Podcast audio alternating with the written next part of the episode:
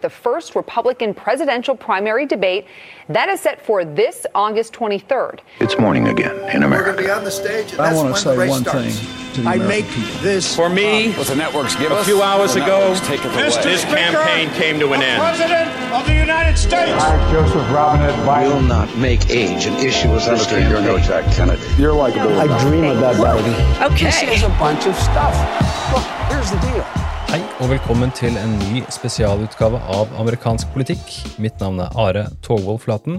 I dag skal vi snakke litt om den kommende republikanske TV-debatten som går av stabelen natt til torsdag norsk tid. Jeg har nemlig spurt flere av kandidatene hva de selv tenker om denne debatten.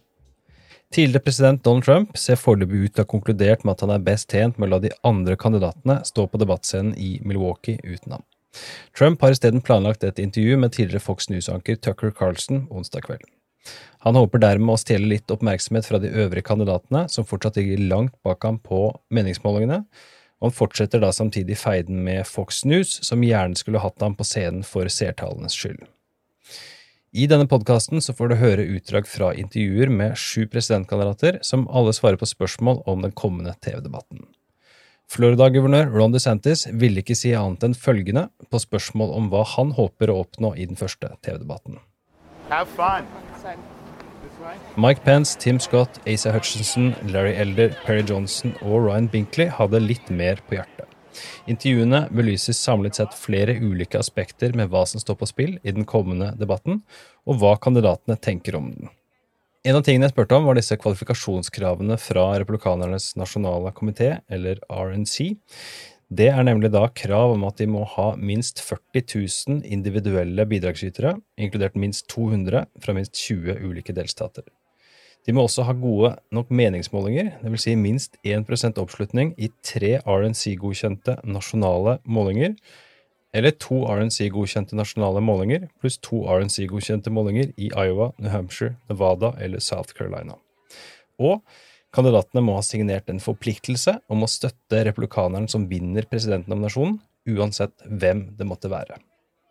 Disse kravene har skapt en del usikkerhet og debatt. Usikkerhet når det gjelder hvilke meningsmålinger som faktisk teller, noe RNC ikke har vært særlig tydelig på, og bidragsyterkravet oppleves samtidig som uforholdsmessig krevende for flere av de mindre prominente kandidatene, og flere av dem stiller spørsmålstegn med hvorfor lista er lagt såpass høyt såpass tidlig. Det får du høre mer om i podkasten, der én presidentkandidat omtaler bidragsyterkravet som en gimmick, mens en annen sier den samme gimmicken har bidratt til å gjøre hele prosessen korrupt. A big announcement from Fox News today. The network says anchors Bret Baier and Martha MacCallum will co moderate the first Republican presidential primary debate that is set for this Skal her høre hva tidligere visepresident Mike Pence tenker. take my case to the American people. You know, I always like to say, you know, I'm well known, but I, think, I don't think I'm known well. And uh, having the chance to tell our whole story, our whole career, I think I'm the most experienced and the most consistent conservative on that stage. Her har vi South Carolina-senator Tim Scott. What are you hoping to do in the debates? Do well. Just be myself. gonna- Just be myself. You're going to attack Trump? Be myself. That's all. Be, be myself. It's, it's kind of simple. Yeah. Don't change what you've been doing. Tidligere Arkansas-guvernør Asa Hutchinson hadde følgende å si om den kommende debatten. And if you get on the, the debate stage, what are you going to try to do to make your case? On the debate stage, I intend to be there first of all, and then as I do, I want to show uh, the contrast with the other candidates and that uh, the direction I want to take America might be similar to other candidates, but my tone, my experience sets me apart. Uh, and I look for solutions. I look for uh, advancing uh, the principles of conservatism, of a limited government, of expanding freedom and opportunity. That's what America's about. And uh, my uh, American story demonstrates uh, I've lived that American dream. And um, how are you going to tackle Trump? I mean, you've been one of the few outspoken candidates against Trump. Mentioning his name. well, you know, it all depends upon, uh, you know, of course, whether uh, former President Trump is on the debate stage or not. But, uh, you know, you've got to be just as bold on the debate stage and you've got to showcase not just, you know, highlight the difficulties he has with the criminal cases, but he's been wrong on policy. Uh, he was wrong on ex- uh, increasing our debt by trillions of dollars. Uh, he was uh, he's wrong in taking a more of an isolationist approach to the United States. Uh, I believe in the leadership role that we play in partnership with our allies, and that uh, you know he does not have a full-throated support of Ukraine. Uh, he would want to give Putin more of what Putin wants, and so these are very serious disagreements that I have with the former president, and I'll raise those on the debate stage. Og her har vi talk radio-verten Larry Elder. So will you qualify for the debate or trying to? Well, I hope so. I mean, I'm more than halfway there. I need 40,000 individual donors. Go to my website, larryelder.com. You can't donate because you're a foreigner, but others can. And many people who are Americans are listening to this uh, broadcast. And I'm urging them all go to larryelder.com. All you have to give is $1 if I get one dollar from forty thousand individuals, I'm on the debate stage. You think the qualification criteria are too strict? I do. Yeah. And I think that the voters should be weeding out people at this stage if they feel that they're too weak. But I think the former governor, former candidate for governor of California, got 3.5 million votes. I, I think I've earned a, a, a, a, I think I've earned the right to be up there. And um, the Democrats in 2020 required you to have 1% or a certain number of, of donors the RNC is requiring 1% and a certain number of donors. I don't understand why. No. So, Do you so, think it's part of the Trump campaign and the RNC to try to have this few? I, I, I think the RNC does not want to repeat of 2016 where there were 17 uh, candidates, but somehow, some way, the Republic survived. Mm. Donald Trump emerged victorious, and um, I don't see any reason why. Uh, and there are fewer candidates now. I think it's 13. So I don't understand why the fear that having too many people would somehow corrupt the process. And when you look at some of the ways some of my uh, uh, contenders, fellow contenders, are raising the money. One is offering a $25 gift certificate for a $1 donation. Another one's offering a free uh, country western concert for a $1 donation. Another one is offering a commission to prospective donors to recruit other prospective donors. It seems to me that makes the whole process corrupt. So. Og så har vi Ryan Binkley, en kandidat som er ukjent for de fleste. men som har eh, hatt TV-reklame på lufta, brukt mye tid i Iowa og har samla nesten nok antall donorer, ser det ut til, og så sliter han litt med meningsmålingene. Han hadde i hvert fall følgende å si. gotten enough contributors to be in the debate? Pretty close, and so we're getting there. We need 40,000 donors uh, by this by a week from today.